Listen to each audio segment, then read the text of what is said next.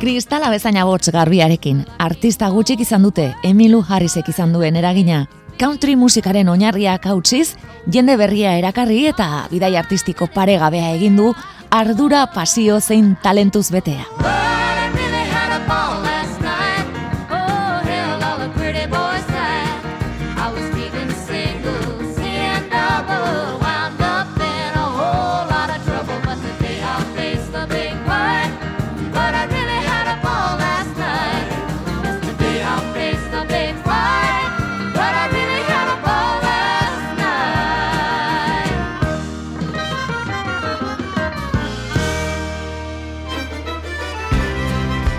Emilu Harris estatu batuetako egoaldean jaio zen, mila behatzion da berrogeita zazpian, Alabama estatuan, Birmingham izeneko herri txiki batean. I was born on the bayou, 30 miles out of Lafayette. My daddy was a Cajun man, Lord he taught us how to fly. Aita marinea zen, eta Emilu bost urte zituela, Koreako gerrara bidali zuten. Preso hartu zuten eta emezortzi hilabetez, ez zutenaren berririk izan gertakizun honek neskatoa betirako markatuko zuen. Etxera itzulitakoan familia osoa batetik bestera bizi izan zen beti, aita destinatzen zuten tokietan. Washingtonen bukatu zuten, eta bertan ikasi zituen Emiluk, antzerkia eta dantza, modelo lanak eginez bitartean. Aldi berean musika serioski ikasten hasi zen eta irratian entzuten zituen folk musikarien jarraitzaile leia albi urtu zen. Bob Dylan, Joan Baez eta Pete Seeger izan ziren bere lehen idoloak. Someone to open each and every door, but it ain't me, babe. No, no, no, it ain't me, babe. It ain't me you're looking for, babe. Joan Baezen ahots gardenarekin iluratuta folk kantaria izatea erabaki zuen eta Pete Seeger idatzi zion, zer egin beharko nuke galdetuz. Ez naiz famili behartxo batekoa, ez dut sekula sufritu, eta ez naiz sindikatu bateko kide izan, ez dut folk kantaria izateko bat ere sinesgarritasunik. Pete Seegerrek jarraitu gitarra eta kantak ikasten erantzun zion, lasai, sufrimendua lehenago do beranduago, iritsiko zaizuta. That's what the teacher said to me. That's what I learned in school today. That's what I learned in school. Musikari aukera bat eman aiean, unibertsitatea utzi eta Emilu Harris New Yorkeko Greenwich Villagera heldu zen. Tom Slocum izeneko musikagilarekin ezkondu zen eta mila behatzi onda irurogeita bederatzean lehenengo diskoa kaleratu zuen, Gliding Bird.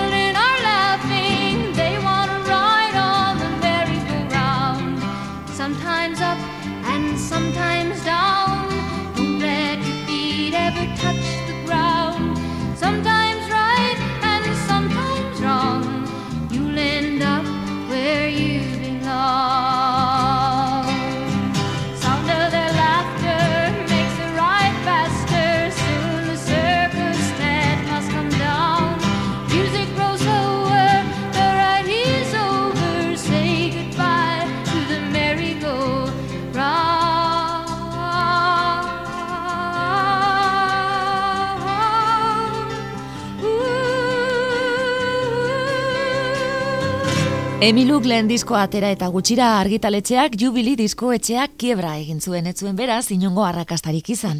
Mila behatzion da irurogeita amarreko udan bestalde senarraren gandik banandu eta alaba txiki txikia zela atxona monen etxera itzuli ziren Hali eta biak Washington DC.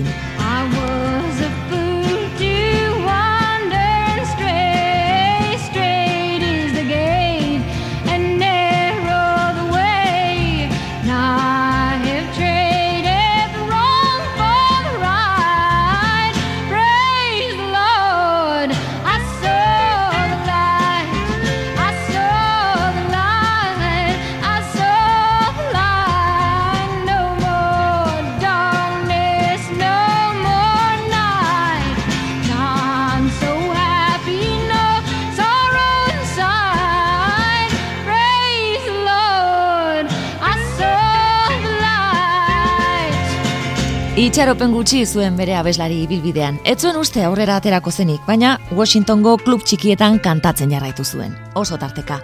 Eta lako batean, Graham Parsons abeslaria entzun zuen.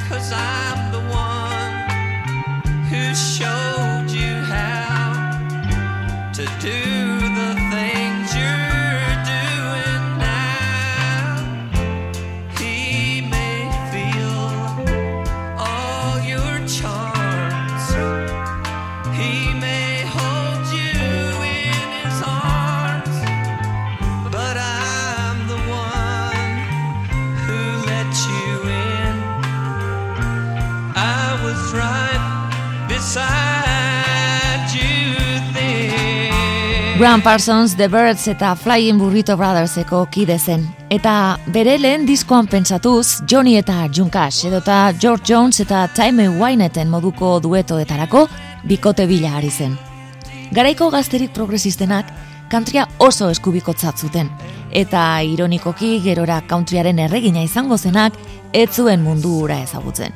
Parsonsek deitu zionean, Emiluk nortzen ere etzekien. Baina, Rolling Stoneseko Keith Richardsen lagun modura orkestu zitzaionez eta alaba aurrera ateratzeko diru premia zuenez, momentuan onartu zion eskaintza. That's all it took The mention of your name And all my love for you Burst into flame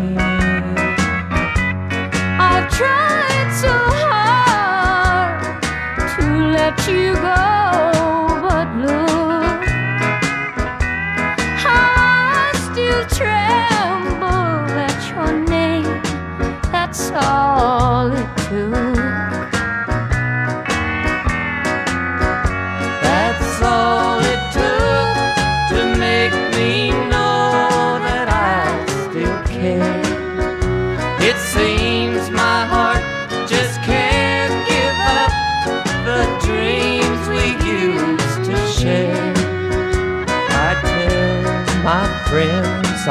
happy, but they read me like a book.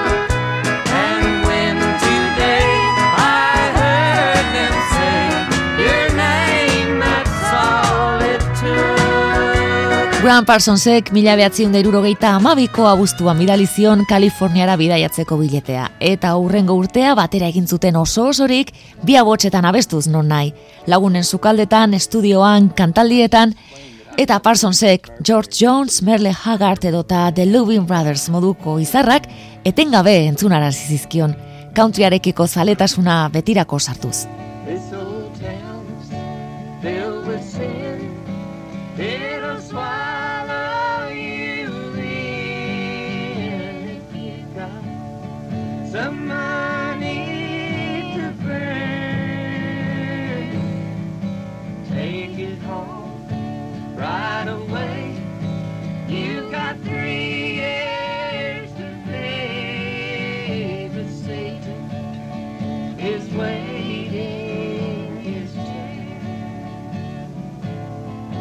This old earthquake's gonna leave me in the poorhouse. It seems like this whole town's insane. On the 31st floor, a gold-plated door won't keep out. Lord's burning rain. Want to scratch my itch, sweet Annie Rich, and welcome me back to town. Come out on your porch or step into your parlor, and I'll tell you how it all went down. Out with the truckers and the kickers and the cowboy angels, and a good salute in every single town. Oh, and I remembered something you once told me. And I'll be damned if it did not come true.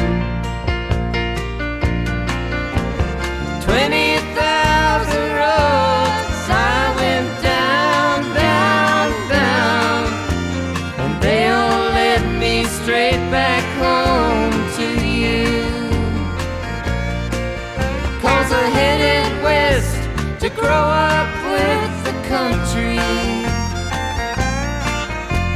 Across those prairies with those waves of grain. And I saw my devil, and I saw my deep blue sea. And I thought about a calico bonnet from Cheyenne to Tennessee. News I met up with a king on his head and amphetamine crown. Talked about unbuckling that old Bible belt and light it out for some desert town. Out with the truckers and the kickers and the cowboy angels. And a good salute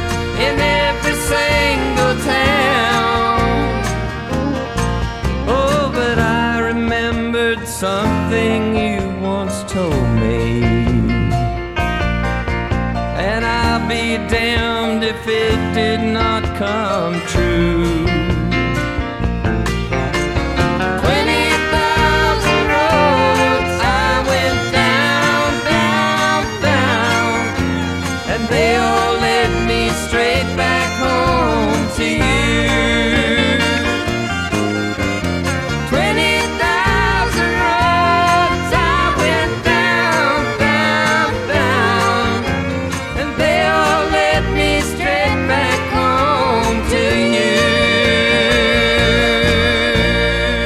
Graham Parsons, Kaliforniako basamortuan, Joshua Trin, mila behatzion da irurogeita amairuko irailean hiltzenean, droga gaindosi batez, Emilu deseginda gelditu zen, eta dolu egun haietan idatzi zion kanta zoragarri hau, Boulder to Birmingham. I don't wanna hear love song. I got on this airplane just to fly. And I know there's life below.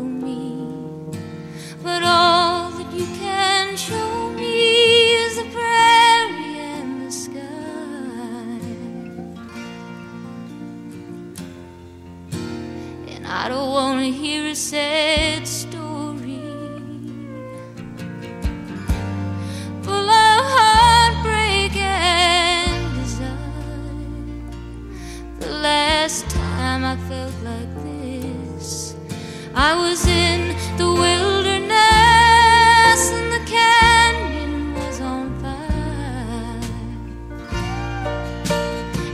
I stood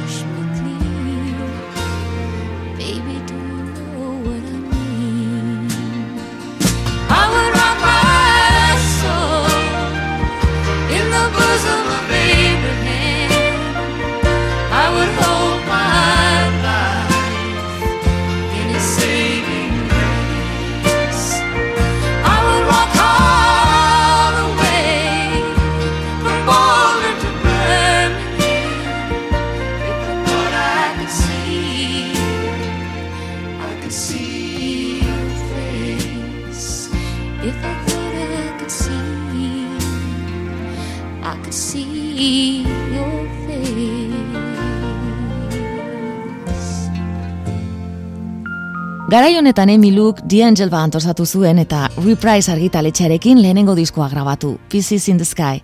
Disko honen ekoizlea eta Emiluren urrengo amar diskoen produktorea, country musikan oso izen handia zuen Brian Ahern izan zen. Emilu Harrisek handik aurrera bere bidea izango zena erakutsi zuen lan honetan, eklektikoa, goi mailako interpretazioarekin eta alde guztietatik edertasuna zeriona.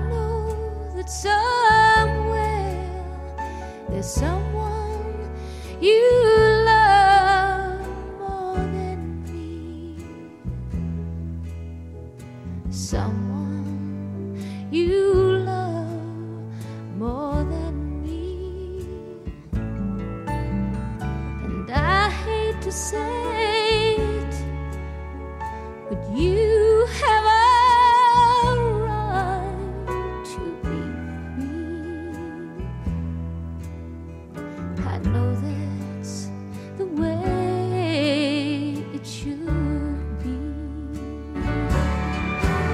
cause I'm too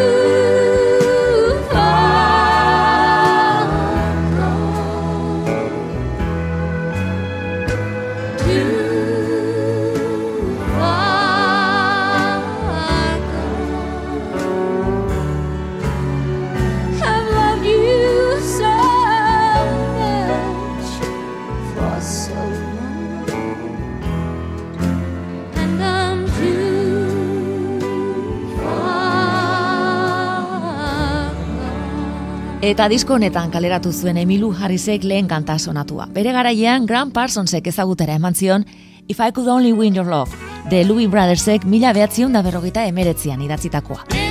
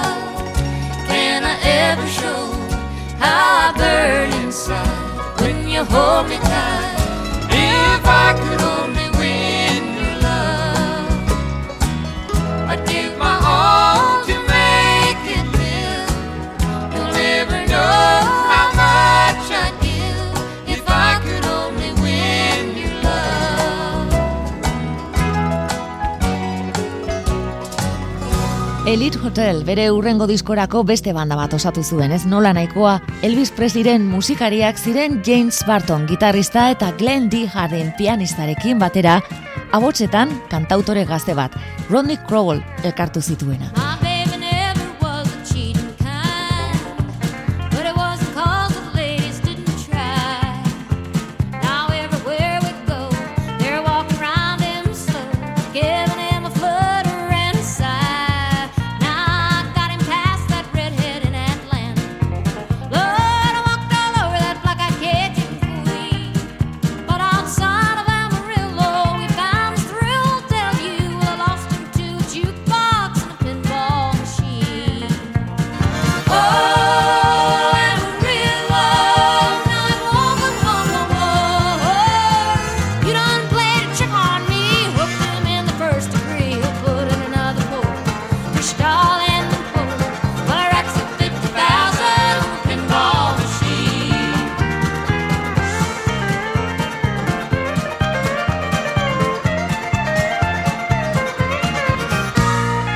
Estatu batuetako musikarien ohiturak jarraituz, etengabeko bira bat hasi zuen Elton Johnen telonero gaur bihar Grateful Dead taldearena, herriska eta hiri guztietan kontzertuak emanez.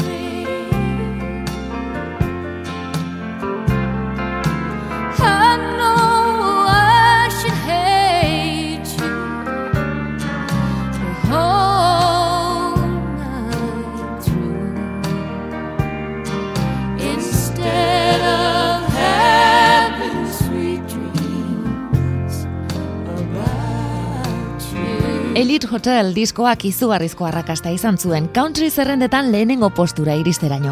Gainera, balada pare bat Patsy Kleinen Sweet Dreams eta Buck Owensen Together Again gailurera iritsi ziren single moduan eta George Johnson One of These Days irugarren postura.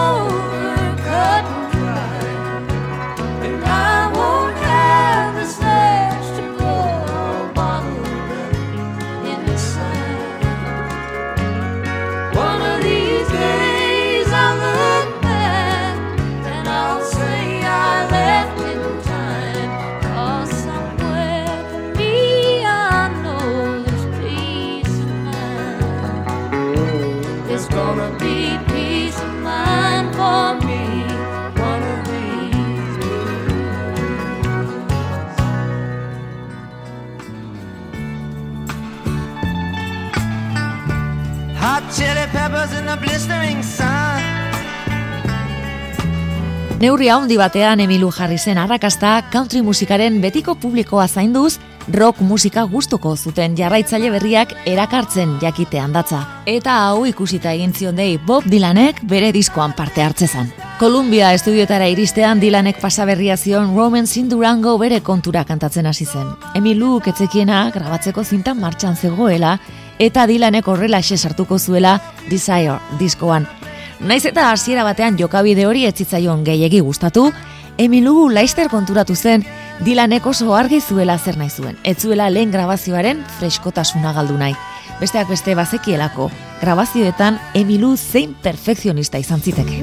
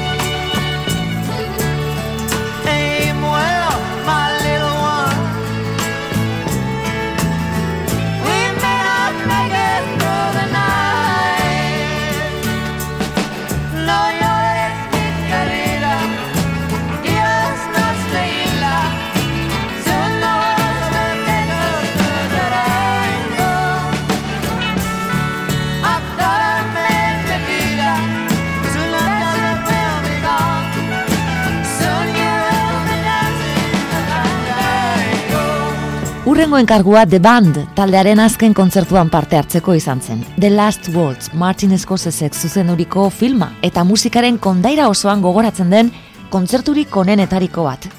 Garaiko izarrik handienak parte hartu zuten bertan. Muddy Waters, Eric Clapton, Neil Young, Johnny Mitchell, Van Morrison naiz Bob Dylanek. Eta biztan denez, Emilu haietako bat gehiago zen ordurako.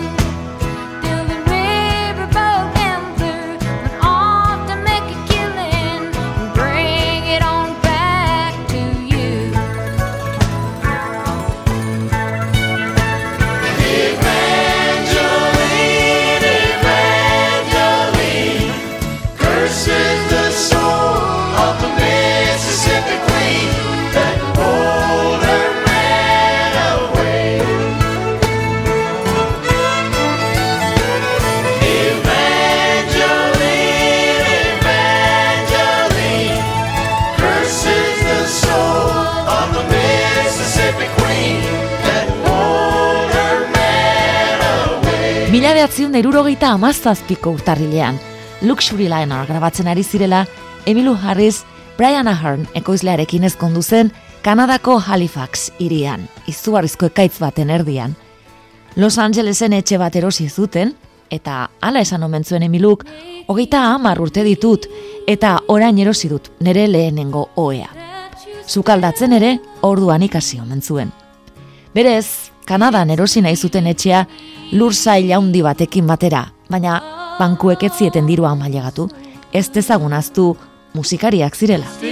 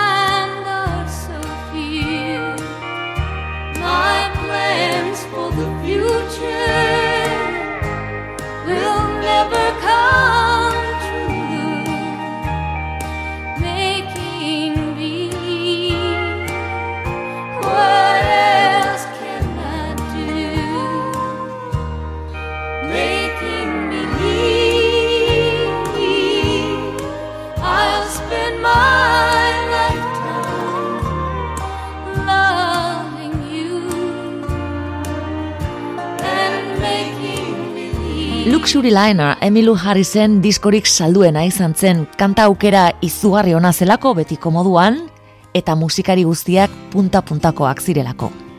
Abesterakoan Emilu konfidantzaz betea ageri da gainera, heldutasunera iritsi denaren moduan.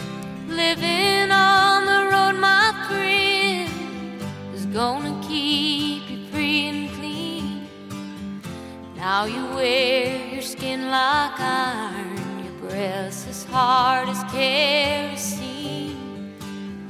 Weren't your mama's only boy, but her favorite one, it seemed. She began to cry when you said goodbye and sank into your dreams. Pancho was a boy horse was fast as polished steel. He wore his gun outside his pants for all the honest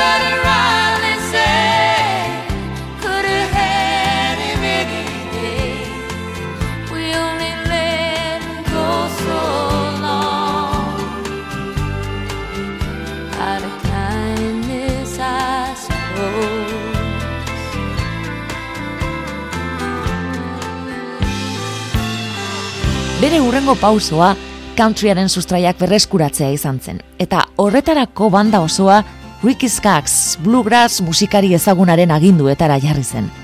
Pauso honekin Emiluk Nashvillego industriaren errekonozimendua jaso zuen. Mila behatziun da lauro gehian, country abeslaririk onenaren saria eskuratuz emakumetan.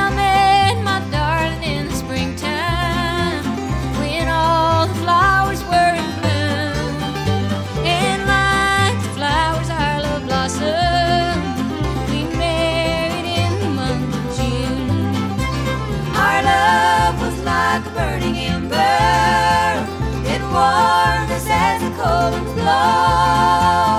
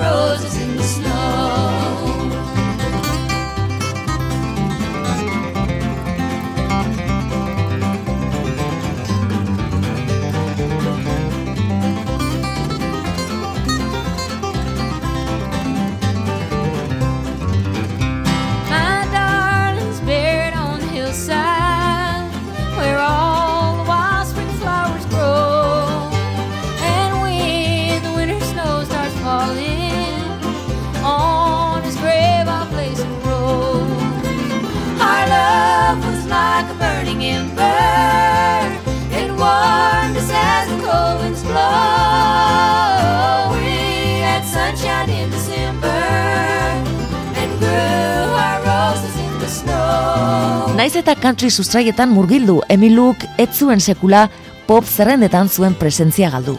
Eta horren adierazle dugu, berrogeita amargaren amarkadan, The Cordettes ahots taldeak grabaturiko Mr. Sandmanen koberra.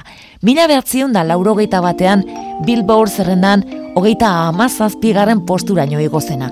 Bere inoizko posturik onena lortuz.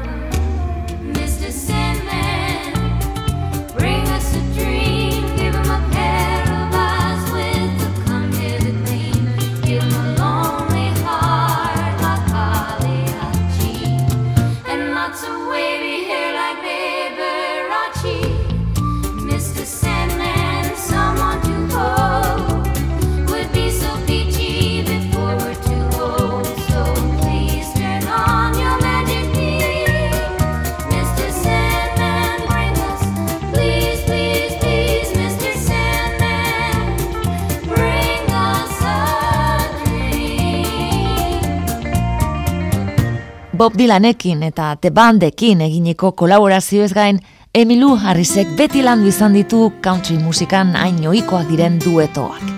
Eta guztietan onenetariko bat, Dan Williamsekin bi hauetxetan grabatu zuena.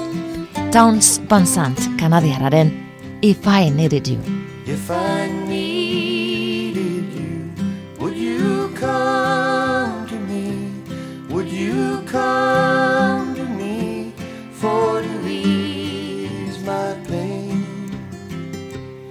If you needed me, I would come to you. I would swim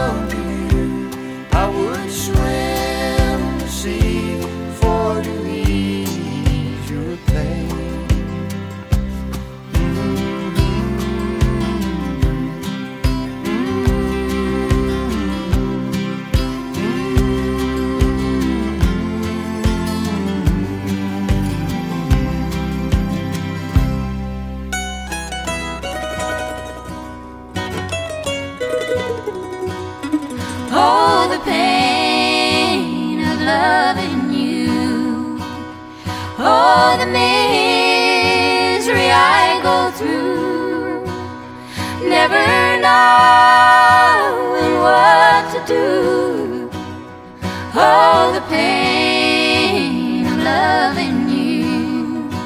You just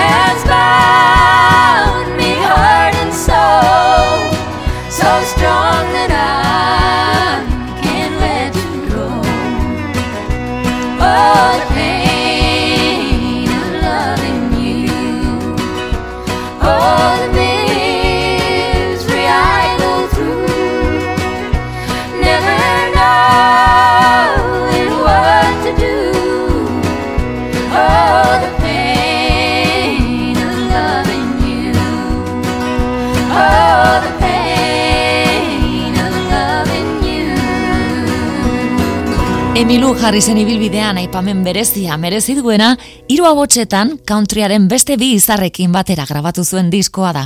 Linda Rostant, Emilu eta Irurak Dolly Partonen berrogei urte betetze festan elkartu ziren, mila behatzi undala urogeita seiko urtarilaren emeretzian.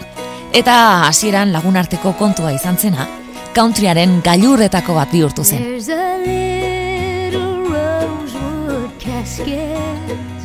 resting on a stand with a packet of old love letters written by my true love's hand. Go and bring them to me, sister. Read them all for me tonight. I have all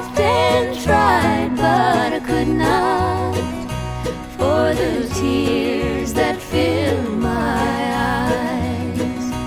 When I'm dead and in my casket when I gently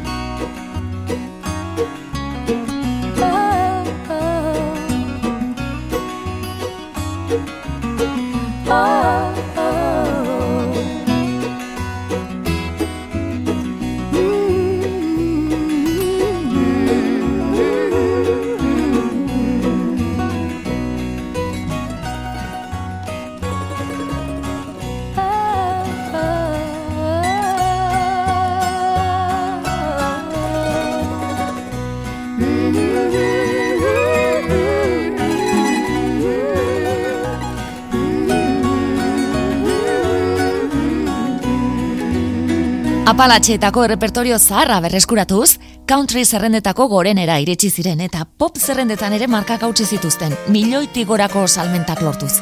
Emiluk bereziki estimatzen duen lan hau, mila behatziunda laurogeita zazpiko martxoan arkitaratu zen trio izenpean. The hills were alive with wildflowers, and I was as wild, even wilder than they. Or at least I could run. They just died in the sun, and I refuse to just wither in place. Just a wild mountain rose needing freedoms to grow. So I ran, fearing not where I go. When a flower grows wild, it can always survive. Wildflowers don't care where. And the flowers I knew in the fields where I grew were content to be lost in the crowd. They were common and close. I had no room for growth, and I wanted so much to branch out. So I uprooted myself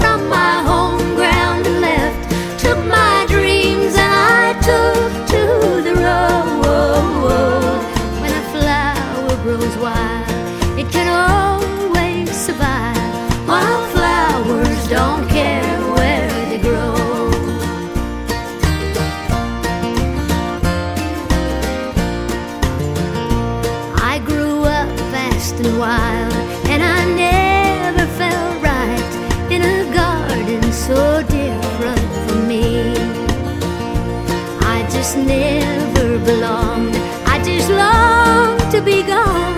So the garden one day set me free. I hitched a ride